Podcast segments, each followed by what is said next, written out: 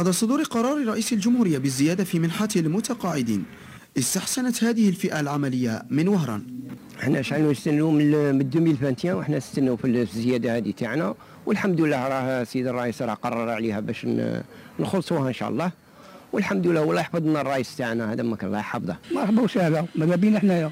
راه شوية الغلا هذه مفاجأة الإنسان يقول الحمد لله ما جات من عند الرئيس. ولا بد في في فيها فيها نتيجة. هذه مليحه هذه حاجة تاع خير. بيان فيسك يتفكروا المتقاعدين ويعرفوا لو بوفوار داشا باللي شوية طالع.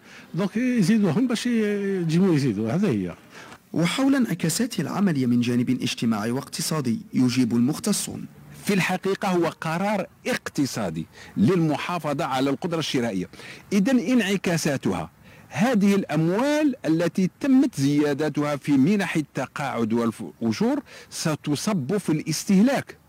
وعندما نقول نزيد في الاستهلاك نحفز الاستهلاك معناتها نحفز الاستثمار. وعندما نقول نحفز الاستثمار معناتها نزيد في مناصب الشغل.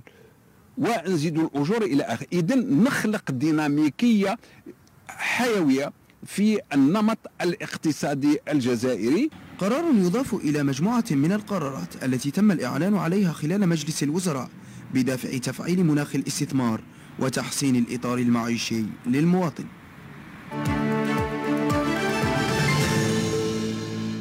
إذا الموضوع كان من إعداد الزميل محمد سالمي. إلى النقاش أسعد باستضافة معي هنا في البلاطو السيد جعفر عبد اللي مكلف بتسيير الصندوق الوطني للتقاعد. سيدي مرحبا.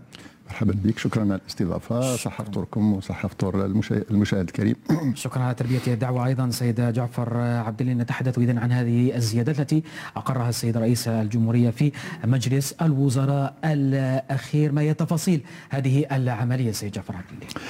بالفعل الزيادات اللي قررها السيد رئيس الجمهورية بعنوان 2022 بالنسبة للمعاشات ومنح المتقاعدين. نعم.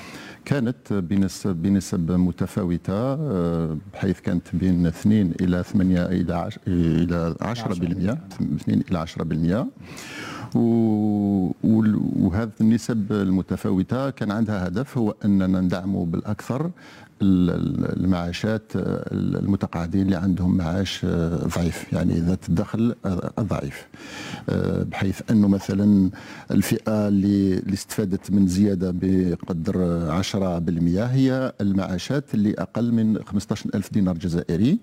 وعدد المستفيدين من هذه النسبة يقارب مليون و484 ألف متقاعد. وكذلك هذه الزيادات كانت أيضا تعني أيضا التثمين تثمين المعاشات نعم. بالنسبة لسنة 2021 وبالتالي كانت هذا المرة زيادات على عنوانين. اولا عنوان 2021 وعنوان 2022 جيد. سيد جعفر عبد الله حتى تتضح الصورة بالنسبة إلى المشاهد. نتحدث اذا عن زيادتين. زيادة خاصة ب 2021 وزيادة خاصة ب 2022 هل لك أن توضح الزيادة الخاصة ب 2021 والزيادة الخاصة ب 2022 ومتى سيتم صبها في بالنسبة للمتقاعدين؟ اذا هي في السنة الماضية كانوا المتقاعدين ما تقاضاوش هذه الزيادة اللي هي مكرسة بالقانون يعني المادة 43 من القانون 83 12 وبالتالي الدولة سهرت على أنها وحرصت على أنها تستدرك تدارك هذا هذا الأمر بحيث أنه حق من حقوق المتقاعد. وبالتالي قدم لهم الرئيس رئيس الجمهورية نصف النسبة اللي اعطاها لهم اللي يتقبلها اللي اعطاها لهم نعم. بالنسبة للعنوان 2022 اللي هي من 2 إلى 10% نفس النسبة تطبق بالنسبة للعنوان يعني سنة 2021 نعم.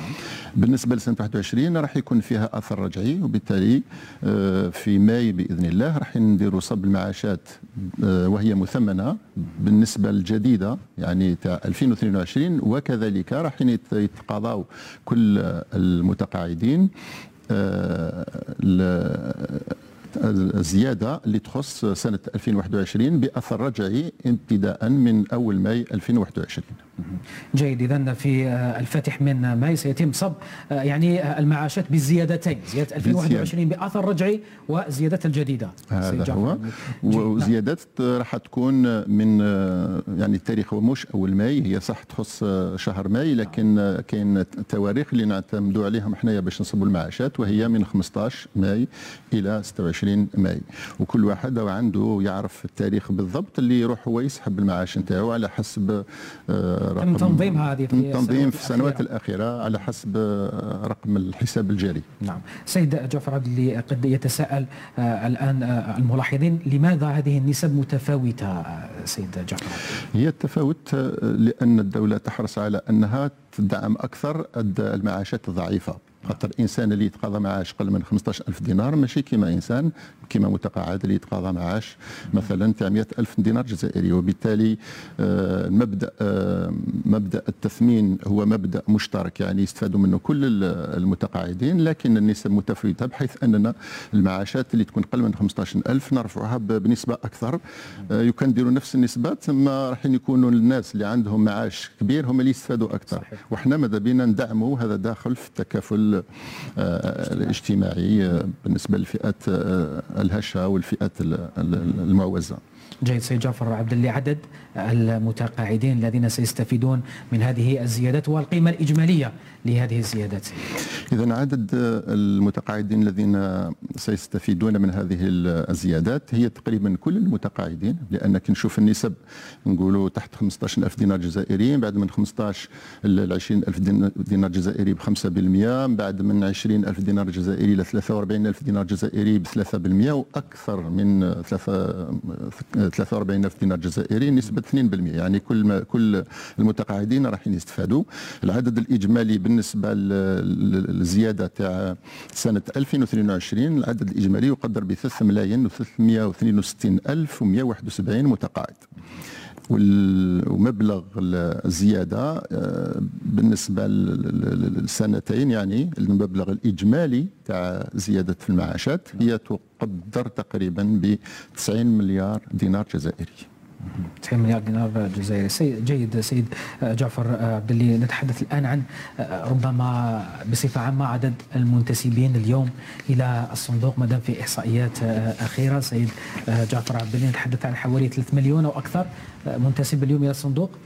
اليوم مثلا كان ناخذوا شهر افريل كان عدد المنتسبين هو 3 ملايين و379 ألف و527 وهادو كانوا يطلبوا انه يعني صب المعاشات تاعهم تقدر في حدود تقدر في حدود 123 مليار دينار جزائري.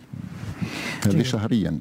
نعم شهريا. سيدة جعفر عبد اللي في الأخير المنتسبين إلى صندوق الوطني للتقاعد لا يستفيدون فقط من المعاشات وإنما هناك أيضا مجهودات أخرى تبذلونها لصالح هذه الفئة المهمة في المجتمع سيدي. والله بالنسبة للسنة هذه تاع 2022 كانت في بداية السنة آه، استفادوا أيضا من التخفيض عن الضريبة. أولا الفئة اللي تتقاضى معاشات أقل من 30 ألف دينار جزائري آه، كلها معفاة من الضريبة بالنسبة للنظام الجديد. وكذلك حتى ال- المتقاعدين اللي يتقاضوا أكثر من آه، 30 ألف دينار جزائري كان عندهم تخفيض والتخفيض هذا آه، كان في آه، بداية السنة آه، استفادوا منه ما يقارب مليون وستة ألاف تقريبا متقاعد اللي استفادوا من التخفيض آه، على الضريبة على دخل ضريبة الدخل الإجمالي زيادة على الإعفاء اللي عندهم آه، المعاشات أقل من 30 ألف دينار جزائري.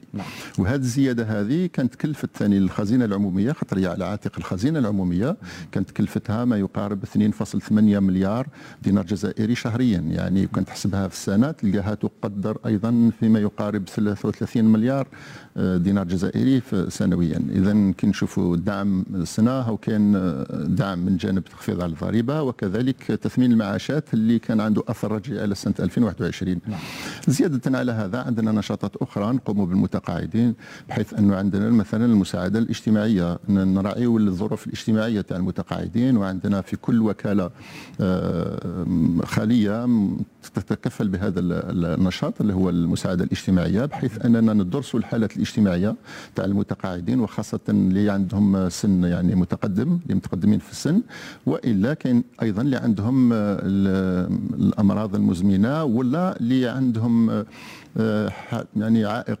بدني تلقاها un handicapé وبالتالي هذا الناس وحتى نديروا tout un questionnaire ندرسوا حتى الحالة تاعهم الاجتماعية est-ce que راه عايش وحده ماشي عايش وحده. بحيث أننا نرافقوهم للاستفادة من بعض الخدمات على مستوى بعض الإدارات العمومية. مثلا نعاونوهم باش يجيبوا la carte شفاء نعاونوهم باش يجيبوا مثلا كرسي متحرك نعاونوهم باش يجيبوا أجهزة أجهزة سمعية إلى آخره. كل واحد نعاونوه على حسب الإعاقة تاعو على حسب الاحتياجات نتاعو.